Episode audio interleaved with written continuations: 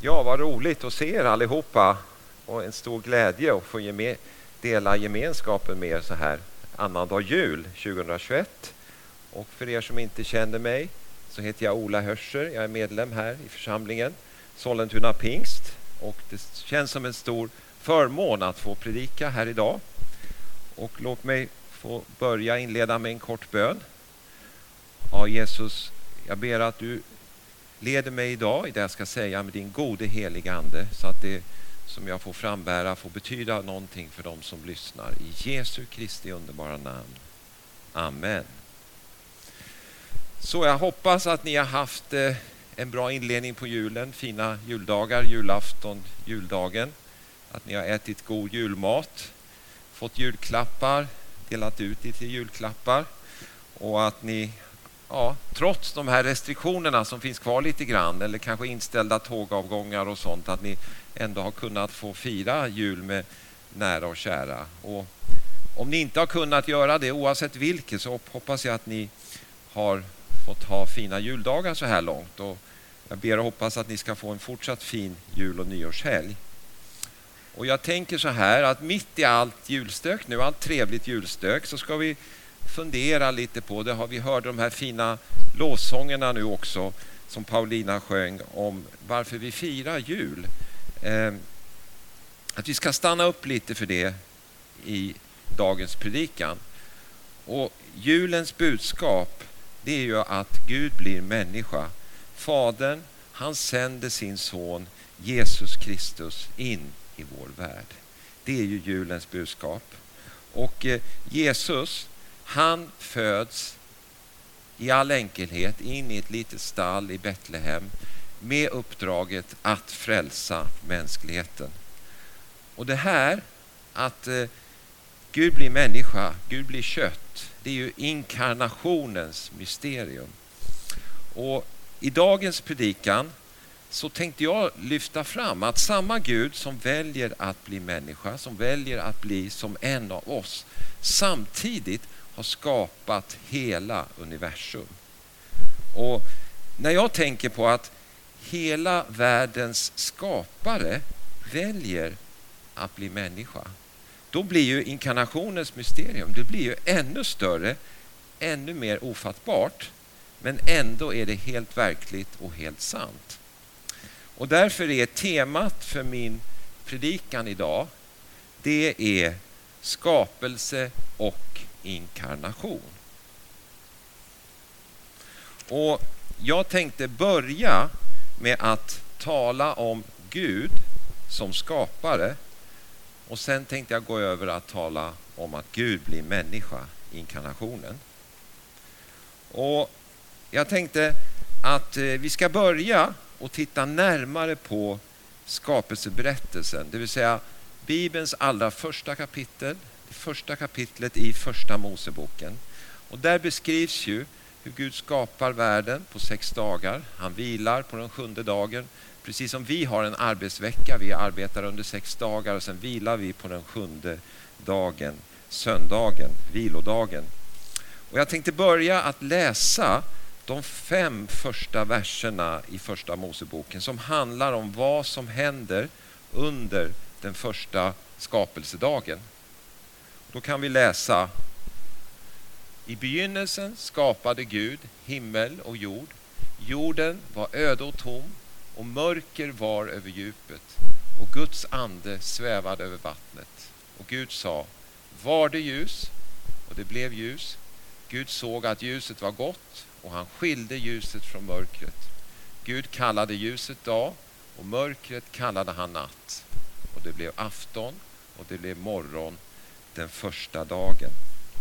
Så vi ser, det är mycket som händer den här första dagen. Gud skapar ljus, han skiljer ljus från mörker, han skiljer dag från natt. Och sen om vi läser vidare de kommande verserna i det här första kapitlet så läser vi att Gud dag två skiljer vatten från vattenånga eller vatten från atmosfären. Dag tre så skiljer han hav från land, han skapar växter. Dag fyra skapar Gud solen, månen och stjärnorna. Under dag fem så skapar Gud havsdjur och fåglar. Under den sjätte dagen skapar Gud landdjur och till sist människan. den sjätte dagen och sen så vilar Gud från sin skapelse under den sjunde dagen. Och jag tänkte att vi ska titta lite närmare på skapelsen. Vad har den för kännetecken? Är det något speciellt eh, som Gud vill poängtera när han presenterar på ett magnifikt sätt att han skapar hela universum i Bibelns första kapitel? Och Det första jag tänker på det är att det står väldigt tydligt att det som Gud skapade var gott. Och Det här upprepas hela sju gånger i Bibelns första eh, kapitel. Så när Gud har skapat något så eh, tittar han sen på det han skapat och konstaterar att det här var gott. Och Vi kan gå till sista gången han nämner det. Det är efter den sjätte skapelsedagen när Gud har skapat människan också. Då läser vi följande i första Mosebokens första kapitel, 31 versen. Och Gud såg på allt som han hade gjort och se, det var mycket gott. Och det blev afton och det blev morgon den sjätte dagen. Och jag tänker på att det här att, att skapelsen var, att det var gott, det, det tänker jag att skapelsen var i harmoni. Det fanns inget lidande, det fanns ingen död. Vi läser i Bibelns andra kapitel att de första människorna, Adam och Eva, de levde i harmoni med Gud. Jag tror också de levde i harmoni med naturen. Och det är också det här vi tror kommer återupprättas när Jesus kommer tillbaka. Det andra vi kan utläsa ur skap, första skapelsekapiteln, det är att Gud skapar allting med sitt ord bara. Han behöver inget råmaterial utan det räcker att Gud talar ut. Och hela åtta gånger i Bibelns första kapitel så står det Gud sade och det blev så. Det räcker att Gud säger någonting så skapar han. Och då för att förstå mer vad det här innebär att Gud skapar med sitt ord, då kan vi gå till andra delar av Bibeln för att förstå det mer. Och vi ska gå till Nya Testamentet. Vi går till Johannes evangeliets första kapitel. De tre första verserna. Då står det så här. I begynnelsen var ordet och ordet var hos Gud och ordet var Gud. Han var i begynnelsen hos Gud. Allt blev till genom honom och utan honom blev ingenting till av det som är till. Och Sen går vi vidare till vers 14 i samma kapitel och då får vi förklarat vem ordet är. Och ordet blev kött och bodde bland oss och vi såg hans härlighet. Den härlighet som den enfödde har från Fadern och han var full av nåd och sanning. Så det är Jesus själv som är ordet, så vi förstår att Jesus är med och skapar. Fadern och Sonen är med och skapar hela världen och universum tillsammans. Och även den tredje personen i gudomen, den heliga ande, är med och skapar. För då kan vi gå tillbaka till Bibelns andra vers som jag läste tidigare från den första skapelsedagen. Då står det och Guds ande svävade över vattnet. Så att då förstår vi att även den heliga ande, alla tre delarna i gudomen, Fadern, Sonen och den heliga ande var med och skapade världen och universum. Och någon har liknat skapelsen vid ett husbygge där fadern är arkitekten som gör ritningen, planerar. Eh, sonen Jesus, han är förmannen som talar ut instruktioner till byggarbetarna och den heliga ande, han representerar byggarbetarna som verkställer det sonen talar ut. Och eftersom nu Gud har skapat allting från ingenting, då betyder ju det att han har full kontroll över skapelsen. Han behöver inget råmaterial som någon annan har försett honom med tidigare. Och då tänker jag att då måste ju skapelsen återspegla Gud. Vi måste se spår av Gud i skapelsen. Och vi kan jämföra när vi människor talar ut någonting som kommer från oss själva, från vårt hjärta. Det hjärtat är, tal, är fullt av, det talar munnen. Då kommer det åt, om jag säger någonting från mitt hjärta, då kommer det återspegla någonting av mig själv. Om jag däremot återupprepar det någon annan har satt som en papegoja utan att ha förstått det riktigt, ja, men då återspeglar inte det riktigt mig själv, det jag säger, utan det kommer från någon annan. Men det Gud har skapat, det kommer från honom själv. Han har full kontroll över skapelsen.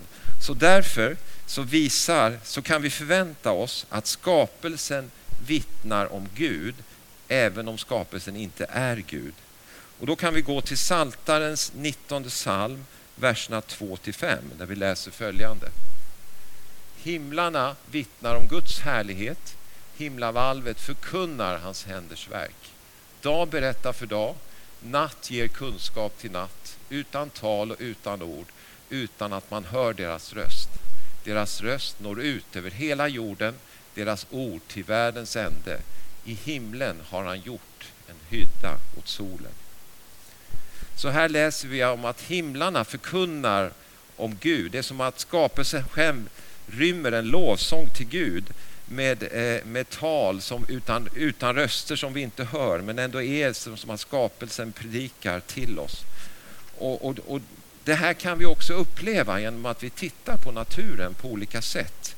Vi kan precis som psalmisten titta ut på stjärnhimlen, ut i makrokosmos. Vi ser solen, planeterna, vi ser olika galaxer, solsystem och tänka oss vilken stor Gud vi har.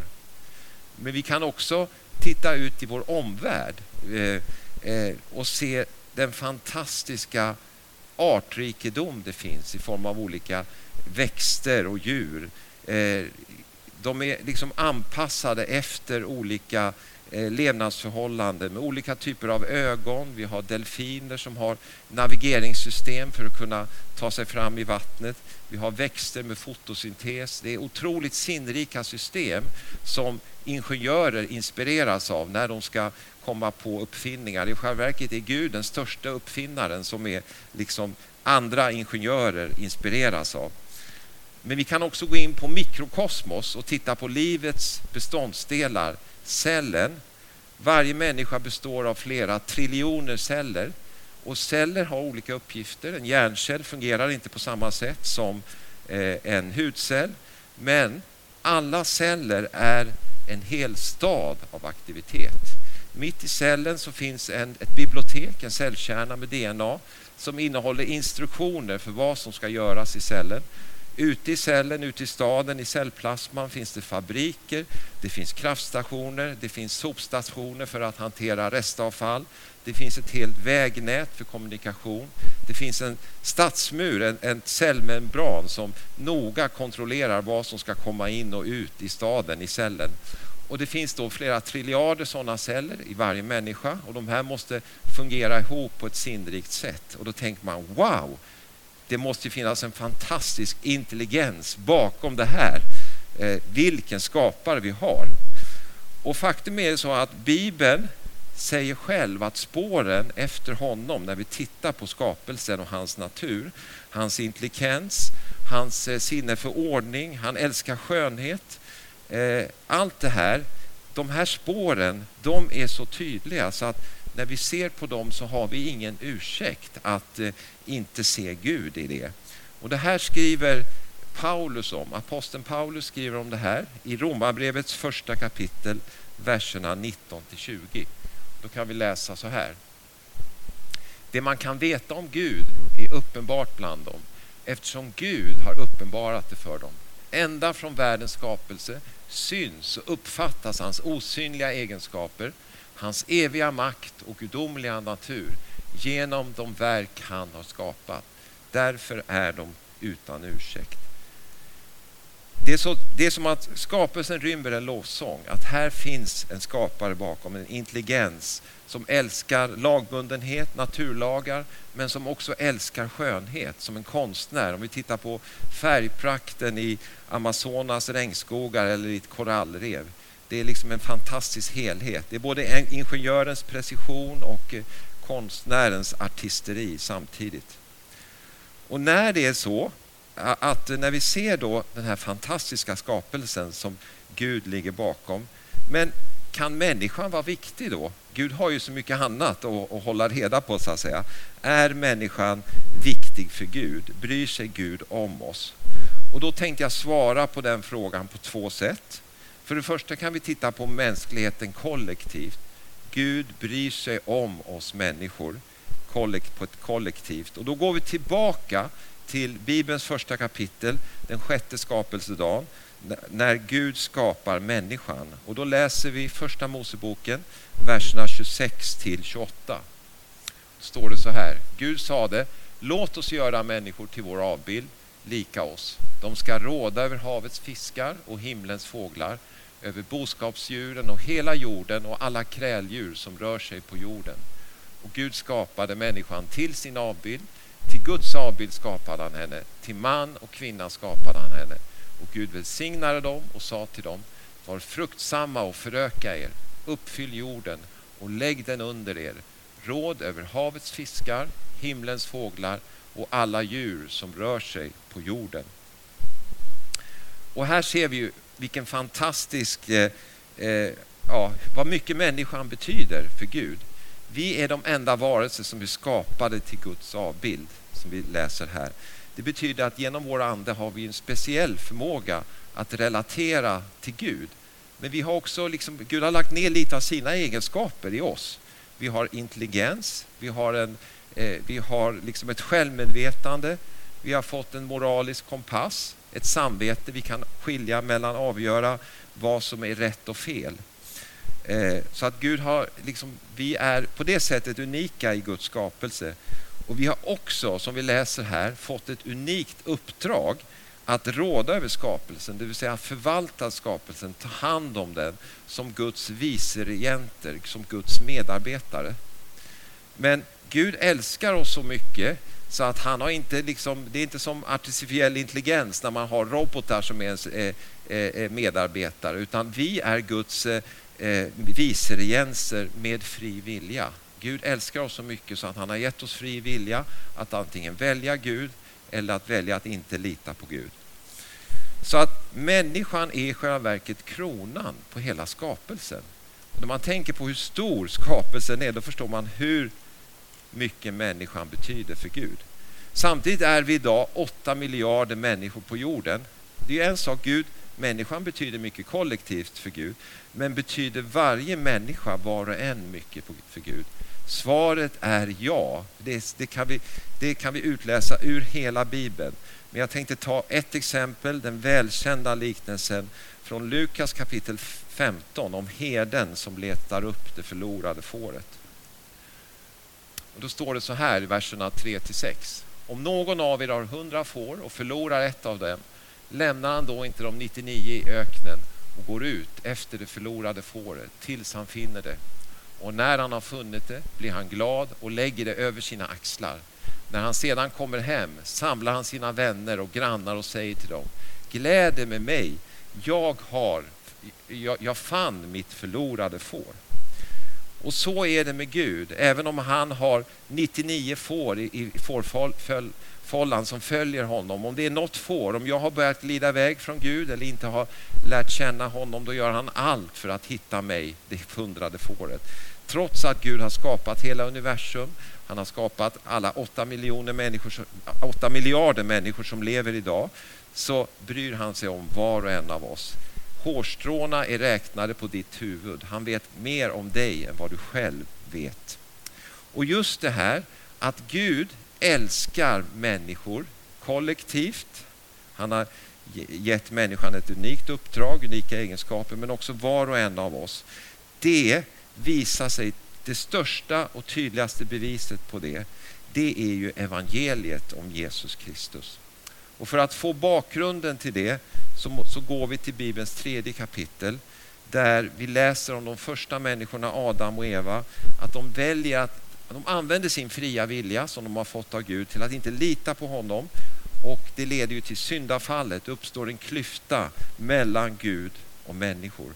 En klyfta som vi inte av egen kraft kan återupprätta eftersom Gud är en helig Gud. Hur mycket vi än försöker med goda gärningar så klarar vi det inte av egen kraft.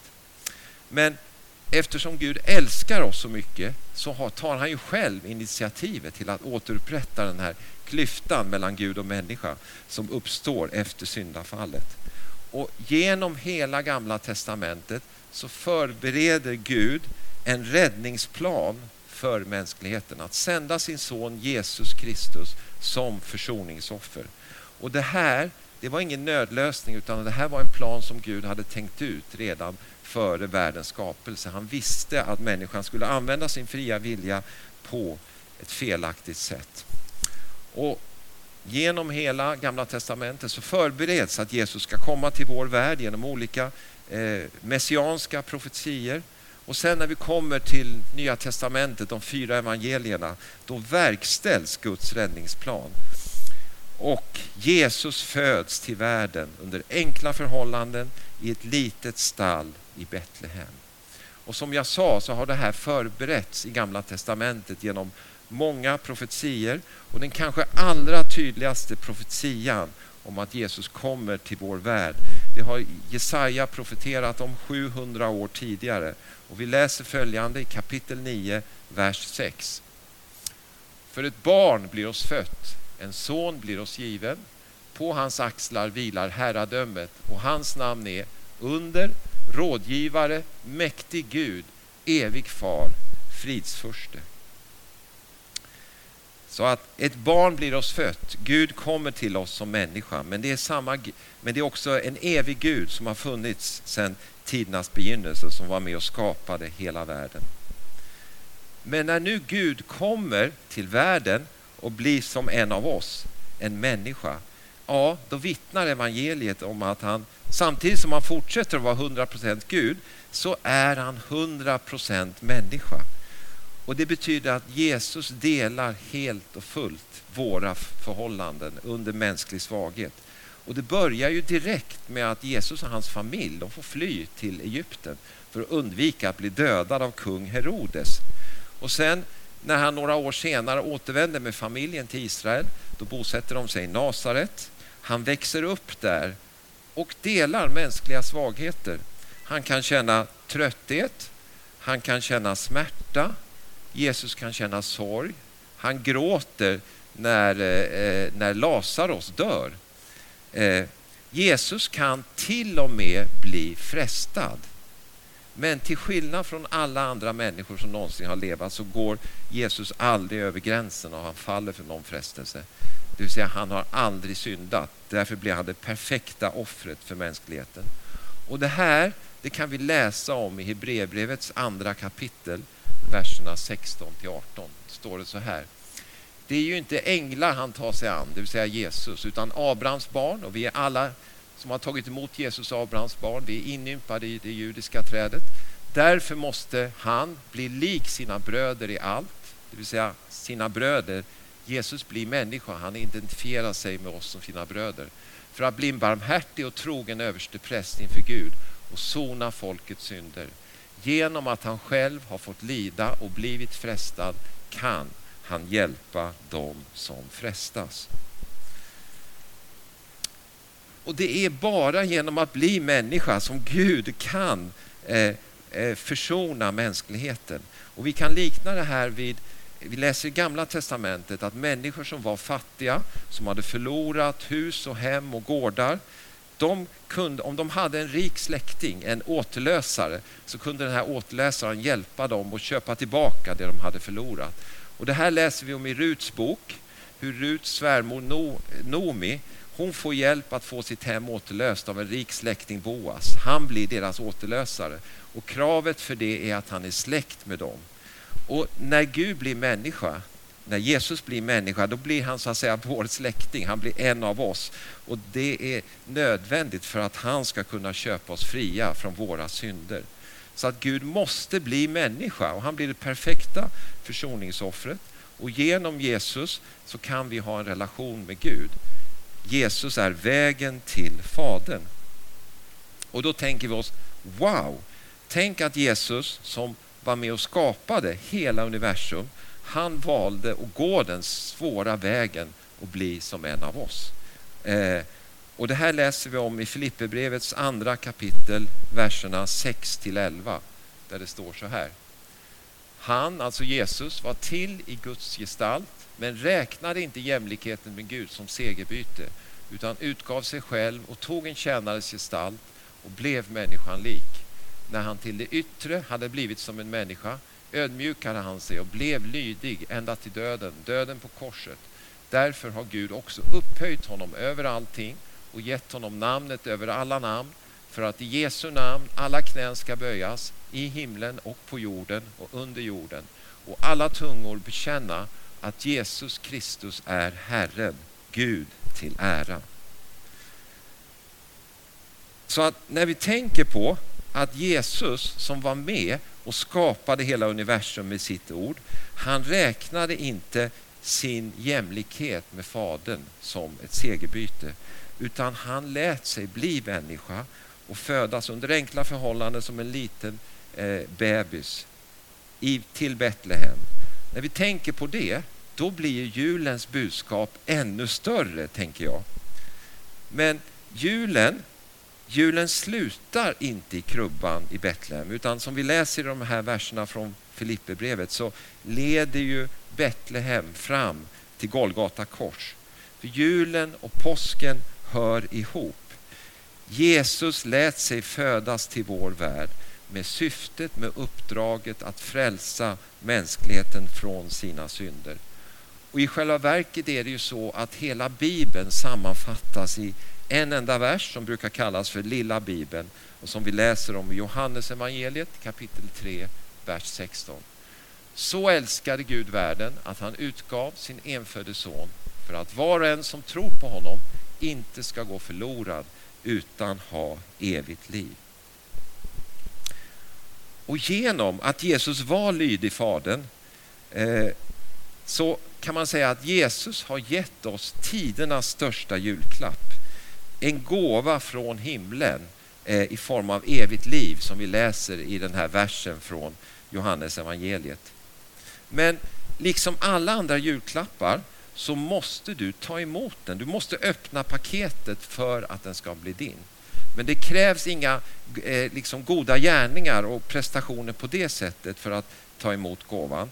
Det enda som krävs det är att eh, du ber en enkel bön till Jesus, bekänner dina tillkortakommanden och synder. Du tackar honom för vad han har gjort för dig på, på Golgata och du överlåter ditt liv till honom. En enkel, kort liten bön det är att öppna tidernas största julklapp, gåvan från himlen från Jesus. Och om du redan har tagit emot tidernas största julklapp, ja, då kan du passa på att tacka för den himlens gåva som Jesus har gett till dig. Som gör att du kan få frid i ditt hjärta och evigt liv. Och jag tänker att nästa gång du går ut och betraktar stjärnhimlen så kan du förundras över att Jesus som var med och skapade hela universum kom till vår värld i all enkelhet som en av oss. Och vi kan läsa i Saltarens åttonde psalm, verserna 4 till 10. När jag ser din himmel, dina fingrars verk, månen och stjärnorna som du har skapat, vad är då en människa? Att du tänker på henne, en människoson, att du tar dig an om honom. En liten tid lät du honom vara lägre än Gud, med ära och härlighet krönte du honom. Du satte honom att härska över alla dina händers verk. Allt lade du under hans fötter. Så att samma Jesus som var med och skapade himlen, månen och stjärnorna som vi läser i den här, eh, de här verserna. Han är också människosonen som blev människa och lät sig födas in i, vårt, in i vår värld eh, till ett enkelt stall i Betlehem. Och samma Jesus som blev människa och delade våra förhållanden, honom har Fadern nu krönt med ära och härlighet. Ja, i själva verket är det ju så att Jesus, han är A och O. Han är början, han var med och skapade hela universum och han är också slutet. Jesus kommer att komma tillbaka till vår värld och upprätta sitt eviga rike. Och julens stora budskap det är att alla som vill ta emot himlens gåva får uppleva frid och gemenskap med Jesus. En frid som gäller i det här livet och ända in i evigheten. Gud välsigne er.